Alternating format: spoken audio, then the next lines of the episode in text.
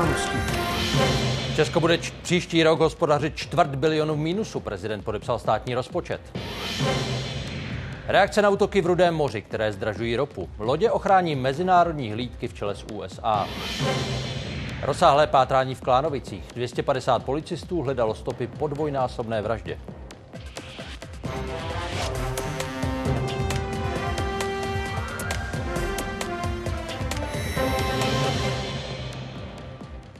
Dobrý večer, úterý 19. prosince a jeho události. Vítejte a díky za vaši přízeň. Česko má v plánu příští rok hospodařit se schodkem 252 miliard korun. Zákon podepsal prezident Pavel. Je to první státní rozpočet od jeho nástupu do funkce. Vláda svůj návrh považuje za únosné snižování dluhu. Prezident Pavel ve vyjádření pro českou televizi uvedl, že měl určité výhrady. Výrazně kritická je opozice, i když je ráda, že se země neocitne v rozpočtovém provizoriu. Rozpočet je podepsán, návrhy, komentáře nebo připomínky budu vznášet až k příštímu rozpočtu. Ty současné jsem sdělil příslušným ministrům a podpisem zákona je považuji za uzavřené. Prezident Pavel už na začátku prosince vyjádřil pochopení pro mnoho ústupků, které si při sestavování státního rozpočtu vyžádala dohoda pěti vládních stran. Podobně vznikl i balík úsporných opatření, se kterým rozpočet počítá a který prezident podepsal už dřív. Sněmovna rozpočet pro příští rok schválila bez jediného dne před třemi týdny. Jednání tehdy provázely emoce. Nekřičte na mě, pane poslanče. Nekřičte na mě. Podpis prezidenta k rozpočtu oznámila jeho kancelář včera po deváté večer, tedy v podobný čas, jako jej před 20 dny dolní komora odsouhlasila. Já jsem panu prezidentovi ten návrh rozpočtu byl osobně představit eh, mezi druhým a třetím čtením. Ten rozpočet je realistický a je vyvážený, takže předpokládám, že podle něho budeme hospodařit celý příští rok. Vláda i velmi dobře vnímala názory pana prezidenta, aby rozpočet eh, nezapomínal na sociální politiku státu, aby byl pro investiční, abychom plnili naše alianční závazky. Právě rezort obrany si má oproti letošnímu rozpočtu výrazně polepšit o 39 miliard, tedy o víc než třetinu. Naopak ministerstvu pro místní rozvoj se rozpočet zhruba o třetinu zkrátí. Úspory podle části koalice ale mohly jít ještě dál. Představit mnohem nižší deficit, určitě bylo možné ještě několik desítek miliard níže jít, ale uh, nejsme jediná strana ve vládě, musíme činit kompromisy. Opozice podobu rozpočtu pro příští rok kritizovala už během projednávání ve sněmovně. Podle některých jejich zástupců totiž neobsahuje úplně vše. 18 miliard je které má být ve státním rozpočtu, je vlastně v, ve státním fondu dopravní infrastruktury, takže jsme na 270 miliardách, což je maximum schodku, který můžeme podle zákona o pravidlech rozpočtové odpovědnosti mít. Nám se ani ta struktura to, toho rozpočtu příliš nelíbí, protože Eh, opravdu podpora třeba mladých rodin, podpora bydlení, tak ta se výrazným způsobem eh, snížila. To ale koalice odmítá a jako jednu z hlavních priorit rozpočtu vláda uvádí právě udržení sociálního smíru. Karolína Jelinková a Martin Schneider, Česká televize. Plánovaný schodek rozpočtu na příští rok je už pátým výrazně deficitním v řadě. Rekordní byl v roce 2021 367 miliard. Od té doby hospodaření mínusu postupně brzdí až na plánovaných 252 miliard korun.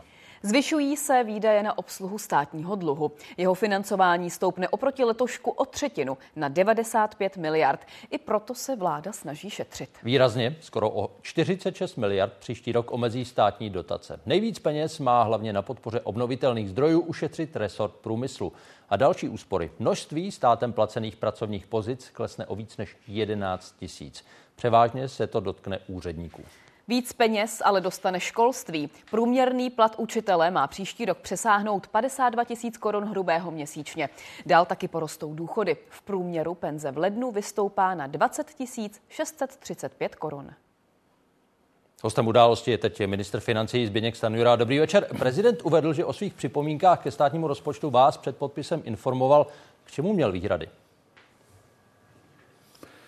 Já myslím, že to bylo jednání s panem prezidentem a jeho týmem. Já jsem byl na Pražském hradě představit návrh rozpočtu 5. října To znamená těsně poté, co ten návrh schválila vláda a předtím, než jsme ho začali eh, projednávat v poslanecké sněmovně a já věřím, že jsem na všechny dotazy, které k tomu měl, dostatečně odpověděl. Důkazem toho je i včerejší podpis pana prezidenta pod eh, návrhem zákona o státním rozpočtu na příští rok. A při přípravě toho dalšího rozpočtu budete uvažovat eh, o těch výhradách, které jste od prezidenta a jeho týmu slyšel?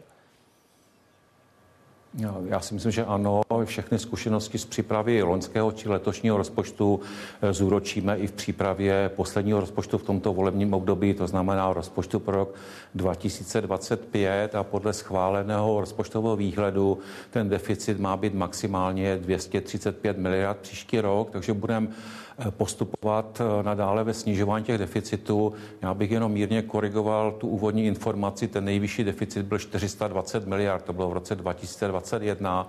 Loni to bylo 360, letos to bude pod 300, takže jsme zatím postupovali tempem zhruba snižování deficitu 60 miliard korun ročně. Ano, letos tedy 295 miliard zatím, 252 miliard příští rok. Jak reálná jsou obě ta čísla? Opozice je dlouhodobě kritizuje, nevěří jim. Tak to uvidíme 4. Eh, ledna, kdy oznámíme výsledky za loňský rok. Eh, já jsem od dubna, května poslouchal názory opozice, že bude muset novelizovat tento zákon, že schodek bude mnohem vyšší. Dneska mohu takřka na 100% slíbit, že ten plánovaný schodek 295 miliard udržíme, takže se ukazuje, že to číslo bylo realistické a stejně tak je realistické číslo pro rok 2024. Ten rozpočet vychází z předpokladu, že příští rok prostě bude líp. Počítá s víc než dvouprocentním růstem ekonomiky, méně než 3% inflací. Pokud by se to nenaplnilo, jsou ve hře třeba nějaká další úsporná opatření? Já myslím, že úsporná opatření jsou ve hře pořád. Nikdy nekončí ten souboj, abychom velmi opatrně vydávali peníze daňových poplatníků. I tak ten deficit nebo saldo těch veřejných rozpočtů bude příští rok 2,2% vůči HDP, což je výrazné zlepšení vůči letošnímu stavu. Jenom připomenu, že v roce 2020-2021 eh, ta čísla byly 5,8 a 5,1 eh, vůči HDP a budeme neustále pečlivě zvažovat všechny výdaje státu tak, abychom efektivně hospodařili s penězi daňových poplatníků.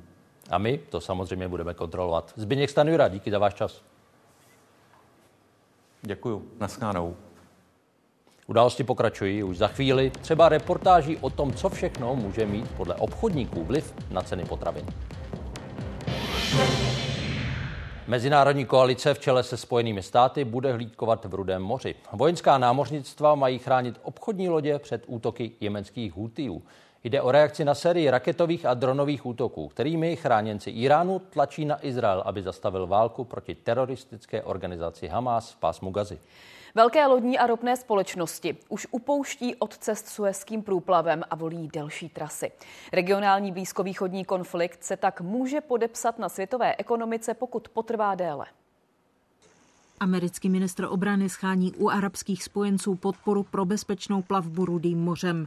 Z Bahrajnu jel do Kataru a virtuálně jednal s ministry čtyř desítek zemí. Z částí se dohodl.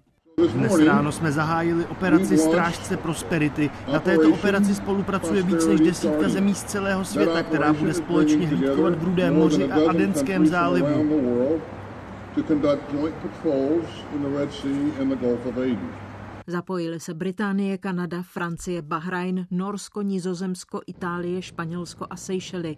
Tyto záběry ukazují důvod. Jemenští hutijové podporovaní Iránem nedávno přistáli na cizí lodi a vyhlásili, že dokud Izrael nezastaví útoky v Gaze, budou zde 1500 kilometrů daleko napadat lodě směřující k Izraeli.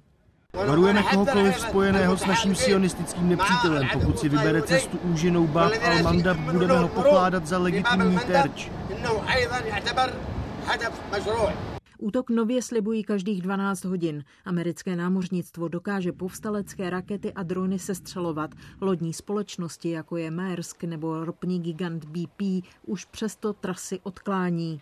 Nejkratší spojnicí Evropy a Azie je cesta Rudým mořem a Suezkým průplavem. Objížďka kolem Afriky je o třetinu delší a dražší. Pro světový obchod to znamená vyšší náklady, spožděním blokované přístavy, narušení dodavatelských řetězců, růst cen ropy.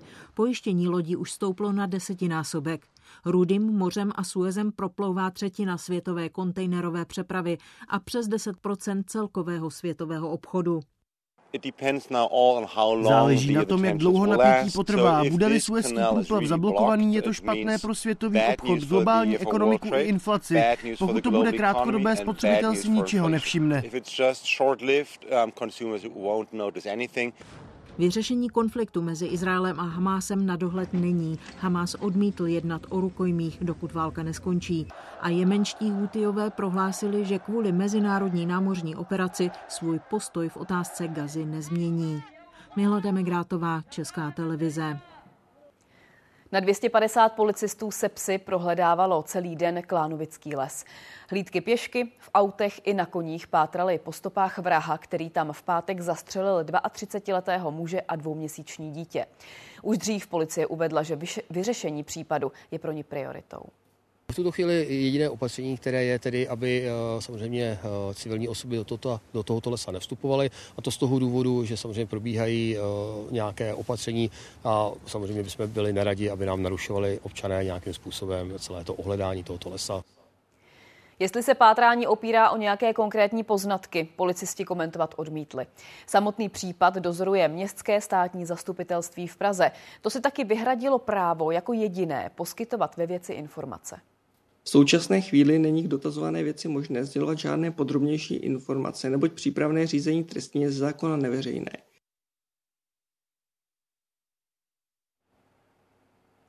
A na místě je Kristýna Posekaná. Kristýno, policisté po 16. hodině akci pro dnešek ukončili. Zůstanou ale v Klánovicích dál. Vzhledem k, tele, k celé té situaci tady nadále zůstává zvýšený policejní dohled. Některé hlídky tady budou ještě v noci. Jestli se sem zbytek policistů vrátí ještě zítra ráno, to nám policejní mluvčí nepotvrdil ani nevyvrátil. Stejně tak nechtěl komentovat ani výsledky dnešního pátrání. Během dne se tady vystřídali stovky policistů, byly tady psovodi, byly tady speciální hlídky na koních, dokonce i speciální kamion Jupiter. No a co je důležité, tak policie dál prosí veřejnost žádost o poskytnutí jakýchkoliv informací, které by mohly vést k objasnění případu. Zdražování v Evropské unii přibrzdilo. Průměrná inflace se v listopadu vrátila ke 3%. Česko má vůbec nejvyšší růst cen 8% Ekonomové se shodují, že jde jen o výkyv způsobený porovnáním s loňskou vládní pomocí ve formě úsporného tarifu. Bez toho by podle českých statistiků míra klesla zhruba na 5% Druhou nejvyšší inflaci Eurostat přisuzuje Maďarsku, v Německu se už blíží dvěma procentům. V Belgii dokonce spotřebitelské ceny klesají. Podrobnosti nabízí web ČT24.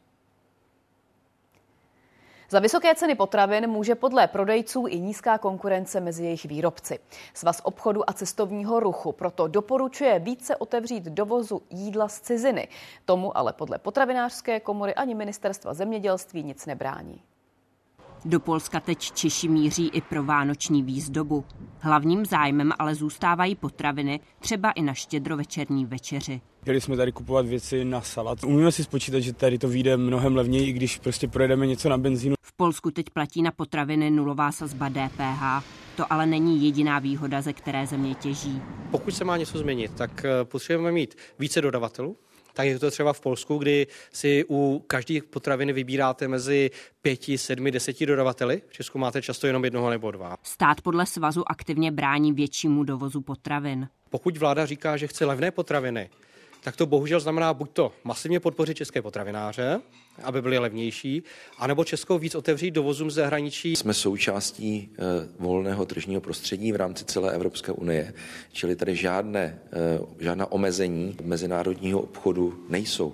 Čili už dnes, dnes, když se prodejce rozhodne dovést jakékoliv zboží, produkty ze zahraničí, tak tak prostě učiní. Je to jenom otázka nabídky a poptávky. U cen jídla ani potravinářská komora nevidí problém v malé konkurenci mezi výrobci nebo v omezování dovozu. Řetězce zaprvé mohou si dovoz dovést cokoliv a za druhé bohužel toho dost často využívají jako k vydírání českých potravinářů. Co nám tady zásadně chybí je typicky český řetězec, protože z těchto těch velkých řetězců bohužel to jsou všechno se zahraničními vlastníky, budou si vždycky upřednostňovat ty svoje výrobky ze zahraničí. Zlevnit potraviny v Tuzemsku by mohlo pomoct snížení sazby DPH z 15 na 12% Platit bude od ledna a obchodníci slibují, že ho zohlední.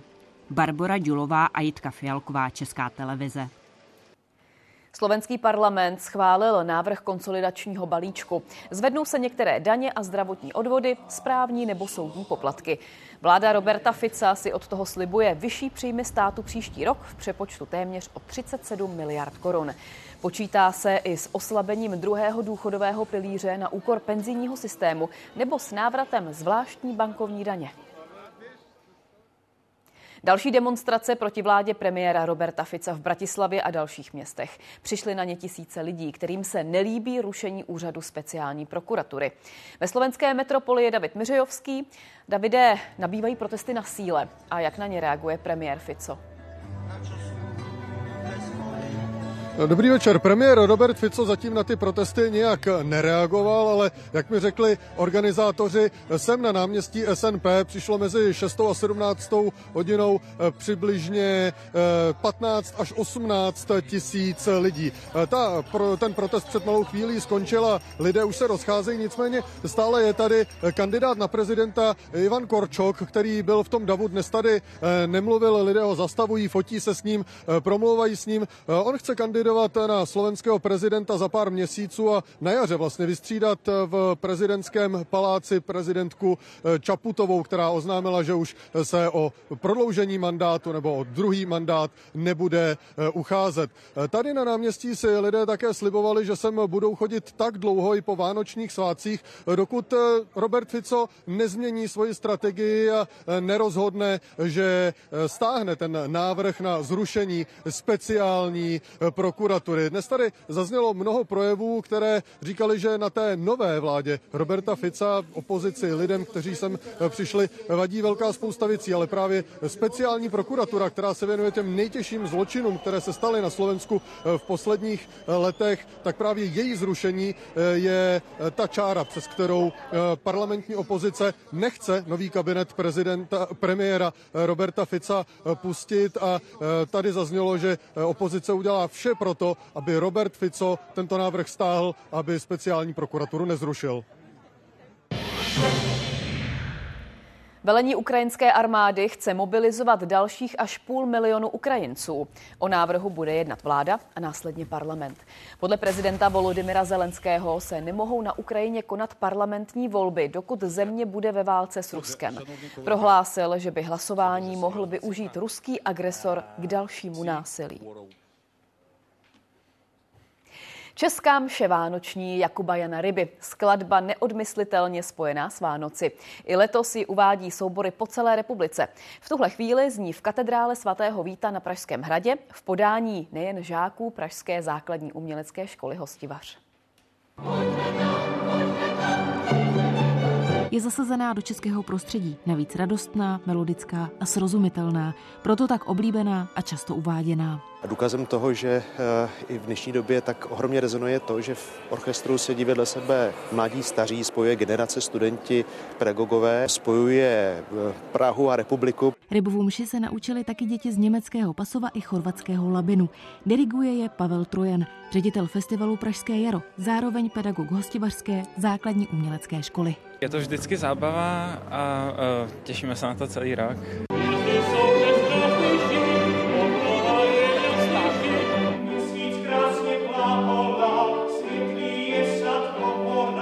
Takto zněla Česká mše vánoční v neděli v Českých Budějovicích. V následujících dnech ji uvedou soubory po celé republice. Hned čtyřikrát i v programu divadla Josefa Kajetána Tela v Plzni. Brněnské hadivadlo ji pravidelně uvádí v předvečer štědrého dne. V hlavním městě bude tradičně 23. prosince na hlavním nádraží nebo Pražské kampě, na Boží hod v Rudolfinu i v kostele svatého Šimona a Judy. Adventní koncerty připravuje taky Pražský filharmonický sbor. S orchestrem PKF Prague Filharmonia uvedou 20. a 21. prosince v paláci Žofín Vánoční kantátu ve světové premiéře. Vznikla přímo na objednávku Pražského filharmonického sboru. Jejím autorem je Jan Riant Dřízal. Je to tedy převyprávění vánočního příběhu ve třech větách. Ta první věta se věnuje adventu, to znamená přípravě na narození. Druhá věta je svatá noc, to jsou koledy. A třetí věta se nazývá cesta za hvězdou a jsou to vlastně jako pastýřské zpěvy. Pod taktovkou Lukáše Vasilka zazní taky cyklus Vánoční skladatele Luboše Fischera. Ondřej Ublik a Anna Zuzánková, Česká televize. Běžná kontrola a při ní dopadení mezinárodně hledaného zloděje. U Orlické přehrady ho objevila rybářská stráž díky termovizi. Vše ukážeme v reportáži. Příspěvek na stavební spoření se od ledna sníží ze 2 na 1 tisíc korun ročně. Některé spořitelny ale novým klientům částku dorovnají. Víc kolem půl osmé. Ústavní soud je po půl roce znovu kompletní. Prezident jmenoval dva nové členy. Advokátku Lucii Dolanskou Báňajovou a dosavadního soudce Nejvyššího správního soudu Zdeňka Kína. Senát jejich nominaci schválil už minulý týden. Sedm ze současných 15 ústavních soudců navrhl prezident Pavel. Čtyři ženy a tři muže z hlediska profesí, čtyři kariérní soudce, dva akademiky a jednu advokátku. Jsem opravdu upřímně rád, že se nám ve spolupráci se Senátem daří eh, nejenom držet ústavní soud naplněný, tak aby mohl plnohodnotně fungovat, ale že se nám také daří naplňovat ho osobnostmi, eh, které eh, splňují všechna kritéria, která jsme si pro složení ústavního soudu zadali. A sice, aby ústavní soud byl pestrý po všech stránkách, Zítra se zastaví huť Liberty v Ostravě. Od středy nebude v podniku v provozu prakticky nic. Od pátku zůstane většina zaměstnanců doma. Společnost Tamech, která podniku dodává energie, poslal soud do úpadku. Huť pak odstaví koksovnu a přestane dodávat energie zase svým odběratelům. Odboráři varují, že nejistota kolem hutě se dotýká desítek tisíc lidí. Od čtvrtka bez proudu a bez tepla. Vyhlídky pro 200 lidí na ubytovně v Ostravě Kunčicích. Chutím dodávky energií začala bez varování omezovat už o víkendu. Bydlí tu především uprchlíci z Ukrajiny. Od soboty už zima, tak. Duže chod, duže zima. Prostě vám někdo řekne, e, za dva dní vám vypínáme energie, teplo prostě je to nemyslitelné. Když se to vypne, eh, tak je to likvidační. Ubytovna sídlí přímo naproti areálu Huti Liberty. Ta sem dodává teplo skrz toto potrubí. Jenže už zítra bude sama bez energie. Liberty za ně totiž dlouhodobě neplatí a dluží za ně firmě Tamech více než 2 miliardy korun. Tak kvůli tomu sama skončila v úpadku. Dnes už žádný ze závodů v Liberty není v provozu. Až na poslední. Koksovna teď spotřebovává veškeré plyny a páry, které do hutě proudí. Už za dva dny tak většina zaměstnanců nepřijde do práce. Zítra navštíví zástupci vedení hutě Ministerstvo průmyslu a obchodu. Odboráři dnes vyzvali vládu i opozici k tomu, aby při jednání o firmě postupovali jednotně. Týká se to zhruba 6 tisíc zaměstnanců. Chtěl bych tady říct, že dalších zhruba 20 tisíc je na to navázaných. Když to spočteme na rodiny, může se to opravdu dotýkat 80-100 tisíc lidí. Vedení společnosti ale tvrdí, že útlum bude trvat jen necelé dva týdny. Společnost se v lednu chystá zahájit proces znovu zprovoznění Vysoké pece číslo 3. V následujících měsících pak zvýší výrobu v souladu s očekávaným oživením evropského trhu s ocelí. Zaměstnanci tak zůstávají v nejistotě. Minimálně přes vánoční svátky nepřijdou do práce kvůli překážce ze strany zaměstnavatele. Zatím ale neví, kolik peněz dostanou. Kristýna Prokešová a Jana Drápelová, Česká televize. Po týdnech čekání začala erupce sopky Fagratalsfjall na Islandu. Kvůli četným otřesům se už v listopadu muselo evakuovat 4 eh, 000 lidí z blízkého okolí. Živě se teď díváme na lávové fontány. V nich sopka chrlí rozžhavenou horninu až do výšky 150 metrů. Podle geologů je ale erupce poklidná a nehrozí exploze. Nevznikají ani velké oblaky prachu, které by komplikovaly leteckou dopravu. Tisíce drobných zemětřesení, po kterých se otevřela země. Za poslední čtyři roky je to čtvrtá velká erupce. Došlo k ní na poloostrově Reykjanes na západě ostrova, zhruba 75 km od hlavního města a 35 km od mezinárodního letiště. Takto vzdáleným místům ale žádné nebezpečí nehrozí. Jen pár kilometrů daleko jsou i lávová pole, která připomínají loňskou a předloňskou erupci. Tentokrát se puklina vytvořila západněji, blíž městečku Grindavík. Dlouhá je celkem 4 kilometry a každou sekundu na povrch vytéká až 200 kubíků rozžavené horniny. To je pro představu jako dnešní průtok Vltavy v centru Prahy. Na Islandu ale touto rychlostí ze země nevytéká voda, ale žhavá láva. Rennur uh, til norðurs og fer þá norður fyrir, vist vera norður fyrir Sílingafell og að Varnagarðinu sem er búið að setja þar. To ještě vůbec neznamená, že e, ta aktivita vulkanická se nemůže přesunout do té jižní části a proto určitě nepřichází v úvahu e, to, že by se někdo mohl do Vánoc vrátit domů. Naopak, žhavé magma se může na povrch dostávat týdny i měsíce. Přesně odhadnout další chování sopky je přitom téměř nemožné. Ta nejdelší aktivita teď v těch posledních letech trvala asi půl roku, jenomže teď je to jiné v tom, že seismická aktivita v listopadu byla opravdu obrovská ve srovnání s tím, co se dělo před třemi lety. Podle citlivých měření se magma pod povrchem pohybuje podél linie zlomu. Ta vede rovnou pod městečko Grindavík. To tak zřejmě zůstane prázdné mnohem déle. Vladimír Peskala, Česká televize. Zdravotníci v nemocnicích a na záchrankách budou moct sloužit až 24 hodin v kuse. Zároveň se ruší navýšení dobrovolné přesčasové práce lékařů, proti kterému protestovali.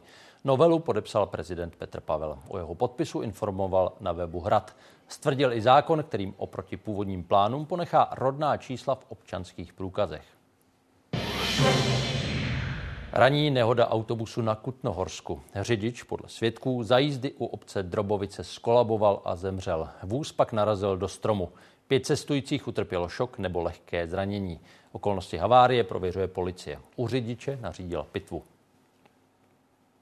Mezinárodně hledaného zloděje objevila rybářská stráž na Orlické přehradě. Bylo to při běžné kontrole. Muže vypátrali pomocí termovize, když utekl z místa, kde kotví houseboty. Teď čeká na převoz do jedné ze sousedních zemí. Můžu vás poprosit, že byste sem zajel? Robin Kudvajs na Orlické přehradě často kontroluje rybáře, je členem rybářské stráže. Tak já mám rybářský lístek.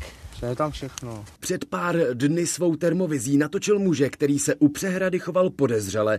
Hned se za ním pustil. Proč se tady schováváte? Vlastně poprvé, když jsme takhle přijížděli, jsme ho viděli tady na tom levém houseboatu. Pak jsme teda zjistili, že byl v lese. No. Jo, řekl jsem kolegovi, aby byl dole, aby tam svítil baterku, aby odvedl pozornost, no a já jsem si sem šel k němu. No. Viktore, volej policajty. Ještě jednou říkám stůj!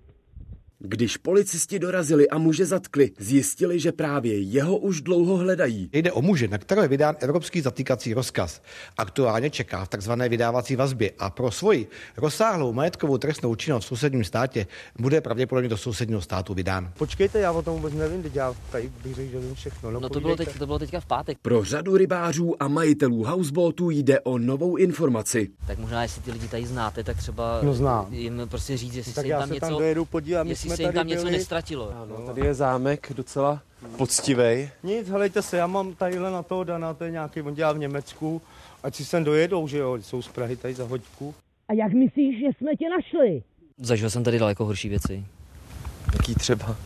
No, že vám vyhrožují jako nějakým fyzickým násilím nebo podobně. Robin Kudvajs rybáře a další lidi kolem vody zná. Někteří ho nevidí rádi. Tak jestli chcete zaplatit 2000, tak vám povolenku necháme, ale příště už tohle fakt řešit s váma nebudeme. Jo? Hmm. Právě Orlická přehrada patří k jeho hlavnímu revíru. Břehy, které musí hlídat, měří po obvodu víc než 350 kilometrů. Martin Donát, Česká televize Jižní Čechy. Změny ve stavebním spoření. Od příštího roku klesne maximální státní podpora. Místo dvou tisíc dostanou střadatele jenom tisícovku. Platit to bude u všech smluv, kterých jsou zhruba 3 miliony. Některé stavební spořitelny ale už oznámily, že novým klientům částku dorovnají. Stavební spoření je v tuzemsku velmi oblíbené a v současné době ho nabízí pět společností. Stavební spoření si sjednali z různých důvodů. Lukas Vinč kvůli původnímu účelu, tedy bydlení. Mám dům, mám dokonce dva domy, takže vždycky se snažím něco vylepšit. Lídie Balcarová spoření založila pro syna. Rozhodli jsme se ho pořídit, aby měl dobrý start do začátku, až mu bude 18. Od nového roku ale musí oba počítat se změnami. Státní podpora. Aby střadatel získal maximální státní podporu, musí na stavební spoření uložit alespoň 20 tisíc korun ročně. Toto pravidlo bude platit i příští rok, kdy se ale státní podpora sníží na polovinu. Klienti samozřejmě tuto úpravu státního příspěvku vnímají, Nicméně v souvislosti s dotačním poradenstvím a s garantovanou úrokovou sazbou, tak vlastně jsou ochotní akceptovat. Tím, že se snížila ta podpora na polovinu, tak spousta klientů jako přicházelo s tím, že to chtějí zrušit. Stavební spořitelny reagují těmi marketingovými akcemi, snaží se dorovnat vlastně tu atraktivitu. Právě dorovnání původního státního příspěvku oznámili tři z pěti stavebních spořitelen, ovšem jenom u nových smluv. Navíc jde o časově omezenou akci. Zbylé dvě stavební spořitelny zatím čekají. Nějakou vlastní akci ale nevyloučili. Novinkou bude zdanění státní podpory. Ta bude nově spadat mezi takzvané ostatní příjmy. Daň ale budou platit pouze ti, kterým souhrn těchto příjmů přesáhne 50 tisíc korun ročně.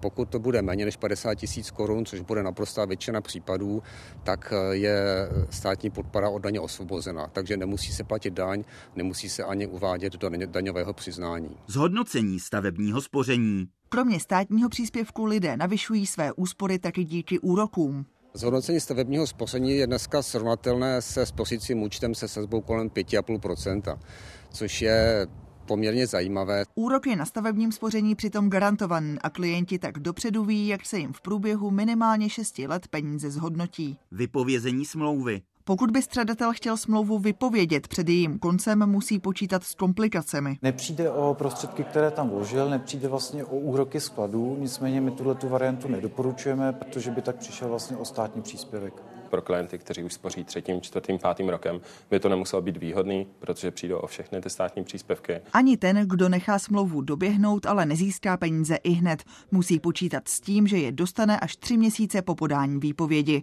Klára Burešová a Nina Ortová, Česká televize. Stavební spoření je možné uzavřít už 30 let. Ze začátku ho stát podporoval 25% z uspořené částky. Maximálně ale mohl člověk dostat 4,5 tisíce korun ročně. Státní příspěvek postupně klesá až na už zmíněnou tisíci korunu.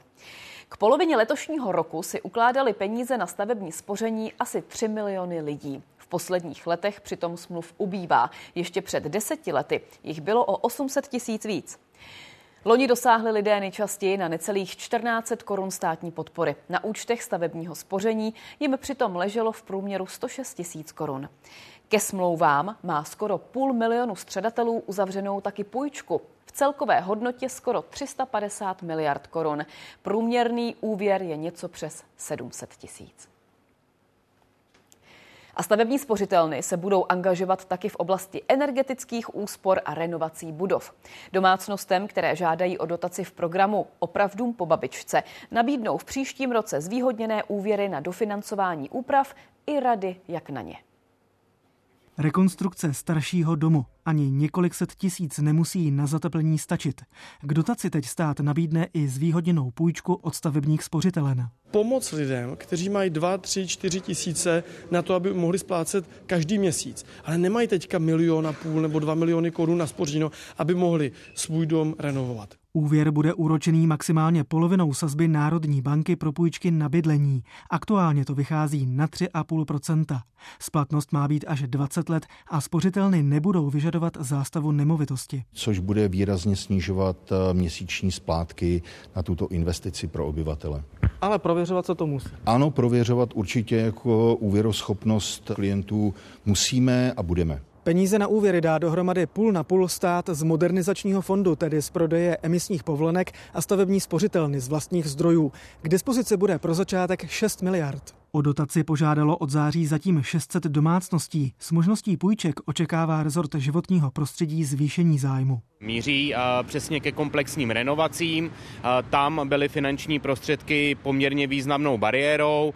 Možnost půjčit si zvýhodněně tuto bariéru odstraňuje a komplexní renovace dlouhodobě považujeme za nejlepší důchodové pojištění. Aby lidé šli do těchto komplexních renovací, udělali si vlastně nejenom zateplení, výměnu oken, ale třeba fotovoltaiku, tepelné čerpadlo, už měli hotovo a dlouhodobě mohli spořit. Poradenství v oblasti energetických úspor začnou nabízet stavební spořitelny v lednu. Zvýhodněné půjčky budou poskytovat od února. Milan Brunclík, Česká televize.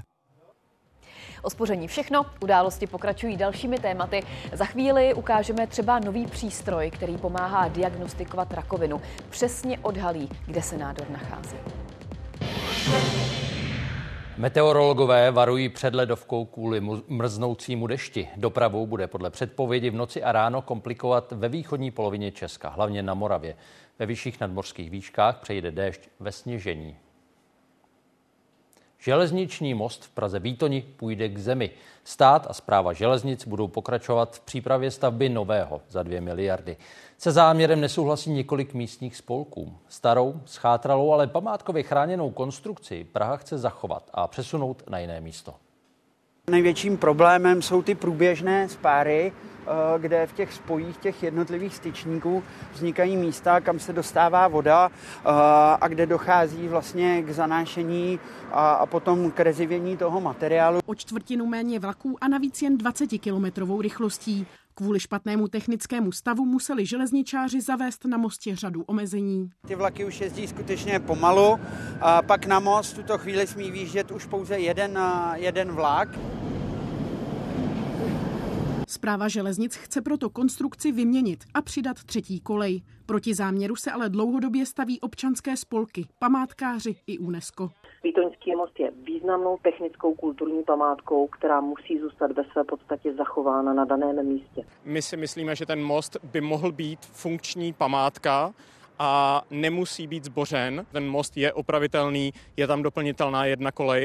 Jenže rekonstrukce starého mostu by podle projektantů stála o 800 milionů víc než stavba nového. Ta je zatím odhadnutá na 2 miliardy korun. Spolu s těmi ekonomickými náklady, dopravními argumenty, zvažujeme i tu památkovou hodnotu. Vstoupíme do jednání s UNESCO, protože to řešení eh, dopravního uzlu Výtoň nesmí ohrozit zápis Prahy do seznamu světového dědictví UNESCO. Vítězný návrh architektonické soutěže představila zpráva železnic koncem loňského roku. Ten počítá se stavbou nové ocelové konstrukce. Původní zůstanou jen pilíře. Nový most eh, bude eh, subtilní moderní konstrukce. Snažili jsme se o to, aby nebránil výhledům eh, a neměnil panorama. Pro původní památkově chráněnou konstrukci teď hledá Praha novou lokalitu, kde by sloužila jako most pro pěší a cyklisty. Nahradit by mohla třeba přívozy v pražských Modřanech. Stavbu plánuje zpráva železnic zahájit začátkem roku 2027.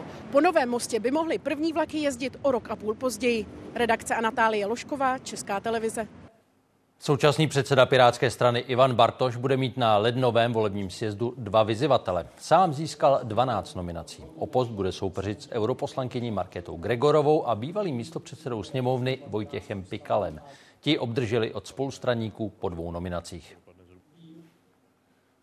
Nejmíň 127 lidí zemřelo a další stovky jsou zraněné po ničivém zemětřesení na severozápadě Číny. Otřesy o síle 6,2 stupně zničily nebo poškodili přes 150 tisíc domů. Záchranáři dál pátrají po pohřešovaných. Zasažená oblast je ve velké nadmořské výšce. V noci tam teplota klesla k minus 15 stupňům Celzia. Další ze sponzorů českých olympioniků, plzeňský Prazdroj, nepodpoří olympiádu v Paříži. Firmě vadí start ruských a běloruských sportovců, který povolil Mezinárodní olympijský výbor. Pivovar se stáhne z veškeré komunikace, která se her týká. Peníze pošle přímo českým sportovcům. Plechovka tohoto českého piva vidět byla na všech olympiádách od roku 2001.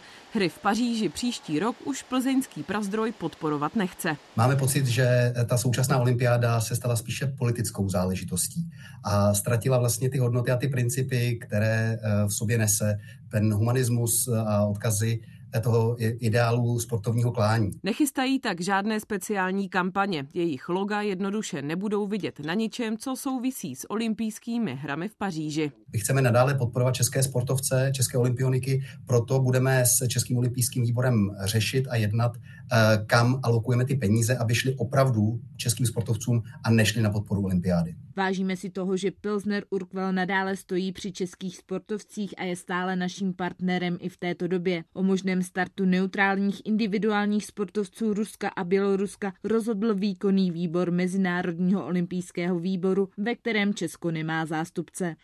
Nestotožňujeme se s rozhodnutím MOV. Stejný názor na účast ruských a běloruských sportovců na olympijských hrách má i řada jeho dalších partnerů. Účast ruských a běloruských sportovců je pro T-Mobile nepřijatelná. Podporujeme vyjádření Českého olympijského výboru, které se neslo ve stejném duchu. Nicméně budeme s nimi nadále diskutovat možnosti, jak vyjádřit náš nesouhlas směrem k Mezinárodnímu olympijskému výboru. My nechceme nikoho vyzývat k účasti nebo na účasti na hrách, ale podporu českých sportovců eh, myslíme, že je vhodné v ní pokračovat. S postojem Českého olympijského výboru plně souhlasíme a i nadále podporujeme české olympioniky. Už minulý týden úplně ukončila spolupráci s Českým olympijským výborem firma CPI Property Group.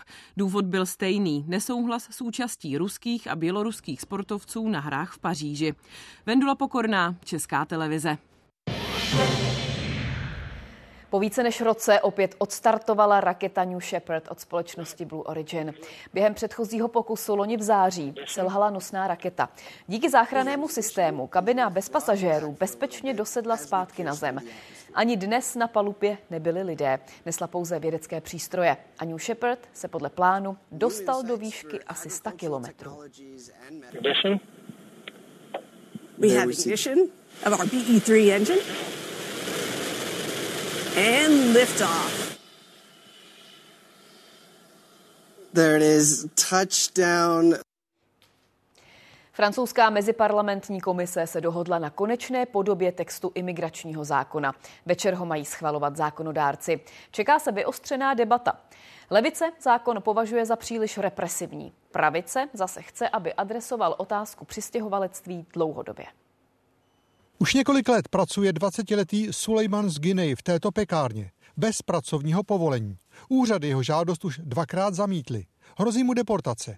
Když máme někoho, jako je Sulejman, kdo má talent a kdo se u nás vyučil, tak bychom chtěli, aby mohl zůstat. Mám tuto práci rád a nevadí mi vstávat brzy. Text návrhu zákona, který změnili poslanci Národního schromáždění, by umožnil lidem, jako je Sulejman, pracující v pekárnách, ve službách či stavebnictví, pracovní povolení získat. Tato možnost se jim ale vzdaluje. Pravice a především krajní pravice zatím odmítají jakýkoliv kompromis. Všechno, co směřuje k omezení přistěhovalectví, je pro tuto stranu pozitivní. Zákon společnost rozděluje. Demonstrace před Národním schromážděním svolávají obvykle levicové organizace a asociace bojující za práva přistěhovalců. Chodí na ně ale často i ti, kdo zastávají opačný postoj. Pokud máme nemovitost, nebo dům, tak un appartement ou une maison, c'est nous qui décidons qui rentre, qui a les clés, et si quelqu'un rentre, est-ce qu'il est digne de rester Et pourquoi dans un pays on peut pas faire pareil Po odmítnutí původního textu podal ministr vnitra demisi, kterou prezident nepřijal. Otevřeně se mluvilo i o možnosti rozpuštění parlamentu. O textu nakonec rozhodovala 14 člená meziparlamentní komise. Vzhledem k přítomnosti několika radikálnějších pravicových poslanců není vyloučeno, že se konečný text bude blížit variantě už schválené Senátem. Ta předpokládá urychlení procesu deportace těch, kdo nejsou v zemi legálně. Zákon by v tomto případě nerozlišoval mezi těmi, kdo nelegálně vstoupili na francouzské území a těmi, kdo spáchali trestný čin. A nebo těmi, kdo jenom pracují bez povolení, jako pekař Sulejman. Z Paříže Jan Šmíd, Česká televize.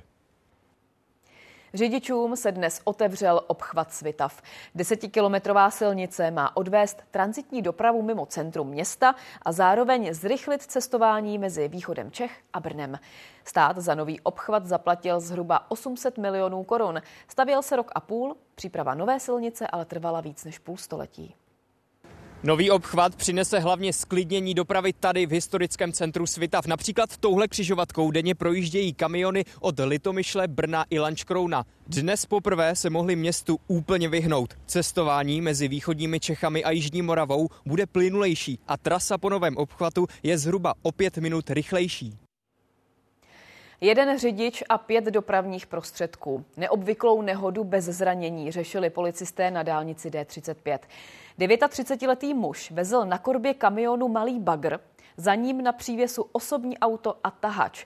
Právě ten, podle vyšetřovatelů, jako nejtěžší předmět nevhodně umístil dozadu a přispěl tak k rozkmitání celé soupravy. Navíc jel moc rychle. Dokáže přesně odhalit, kde má pacient nádor nebo zánět. Nový zobrazovací přístroj dnes představili v Pražské všeobecné fakultní nemocnici. Díky němu ročně vyšetří 4 tisíce lidí, o 500 víc než teď, a zkrátí tím čekací doby. Metodu už používají i v Brně, Olomouci nebo v Plzni. Stiskem tlačítka. Tak začíná příprava každého vyšetření. Laboranti v boxech připravují kontrastní látku. Uložená je ve speciální nádobě. Je to vyrobené z wolframu. Tento kontejnerik má okolo 10 kg. Je to bezpečnější jakože pre nás, ktorí s tím spracujeme. Každý pacient dostává jinou dávku podle svojí váhy. Ramienko nám samo bude naťahovat dávku pre pacienta. Pripravenú aktivitu si overíme ešte na druhom detektore. Teprve pak může laborant vložit stříkačku do tohoto přístroje.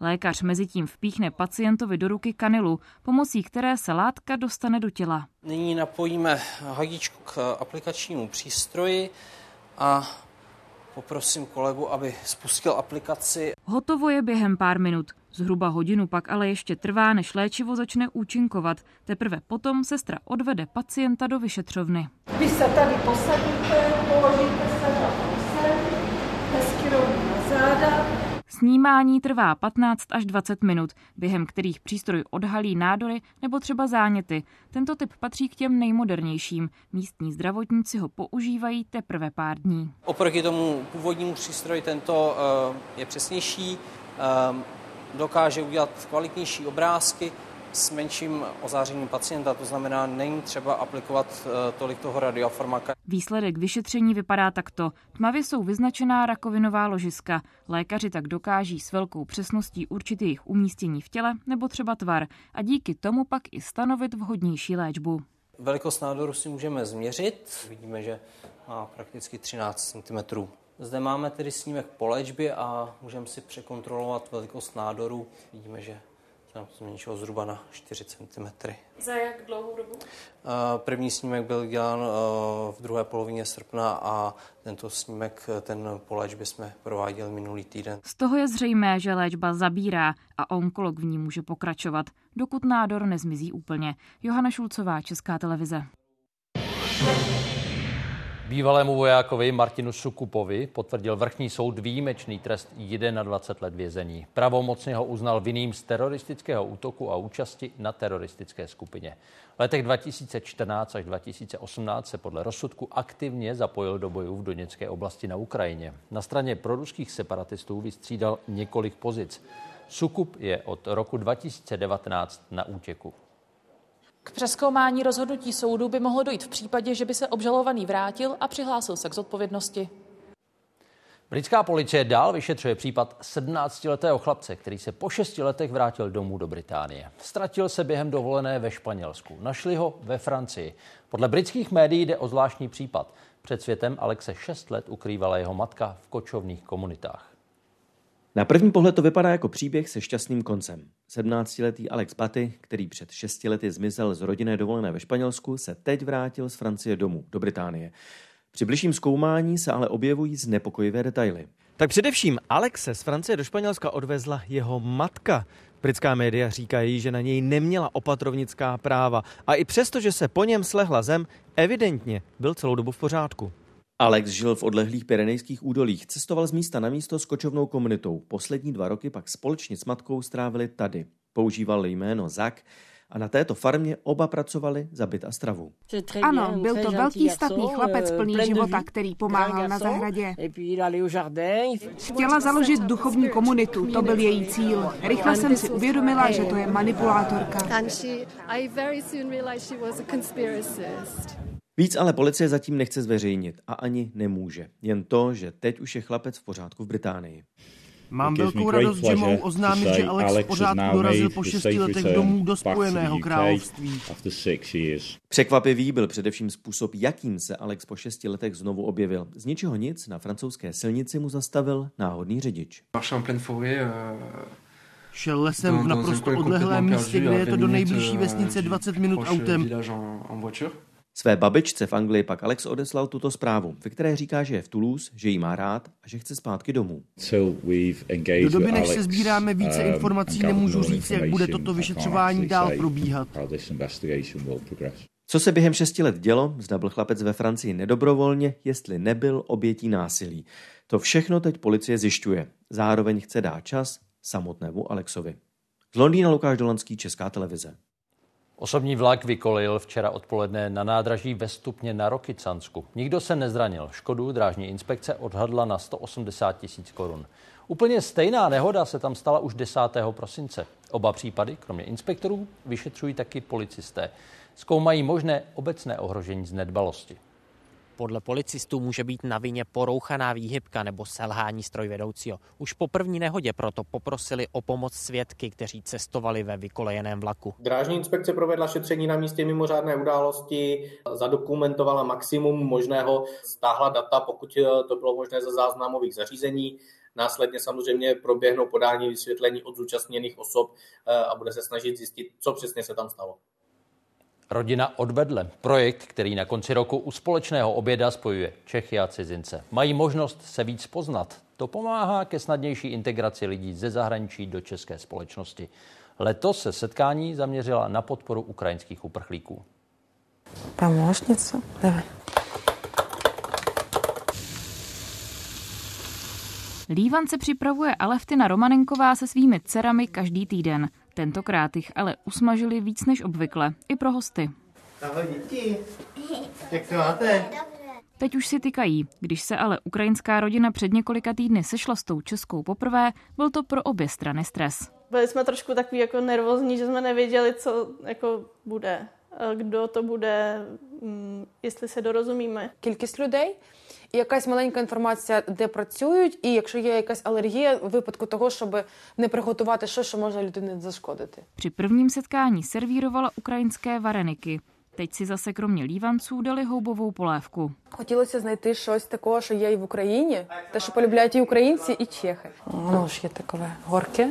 I přes menší jazykovou bariéru si rozumějí. Když je potřeba, pomáhají děti, které se česky učí ve škole. Cvrky, cvrky, cvrlenky, já jsem takhle veliký.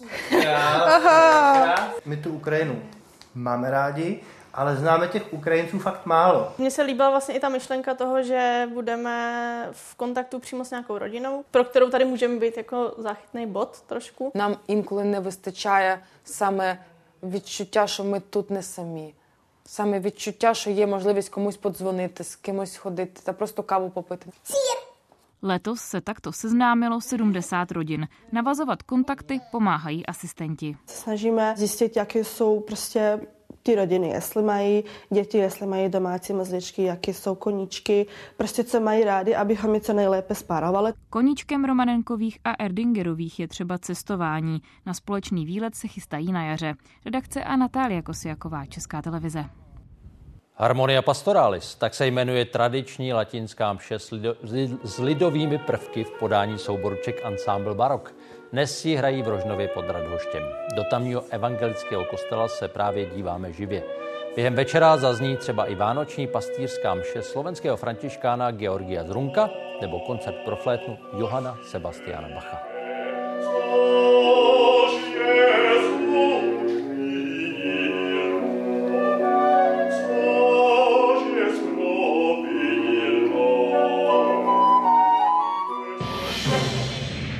Události komentáře dnes rozeberou i protesty proti Ficově vládě na Slovensku. V debatě s europoslancem TOP 09 Lučkem Niedermayerem a poslancem hnutí SPD Janem Hrnčířem. A zítra budeme sledovat třeba jednání vlády. Ministři mají mimo jiné na programu koncepci České armády. Dnešní události končí. Děkujeme za pozornost, přejeme krásný večer a ještě přidáváme pozvánku ke sportu. Jak už jsme říkali v událostech, plzeňský prazdroj nepodpoří kvůli startu ruských a běloruských sportovců olympiádu v Paříži. K tématu uh, taky víc branky body vteřiny a Barbara Černošková. Dobrý večer. V návaznosti na nedávné rozhodnutí Mezinárodního olympijského výboru se znovu k účasti ruských a běloruských sportovců vyjádřil prezident Světové atletické federace Sebastian Kou. Nic se nemění na rozhodnutí, že sportovci těchto dvou zemí mají dveře na hry zavřené, protože se přes atletické akce nemají jak kvalifikovat. Podrobnosti nabídneme už za okamžik.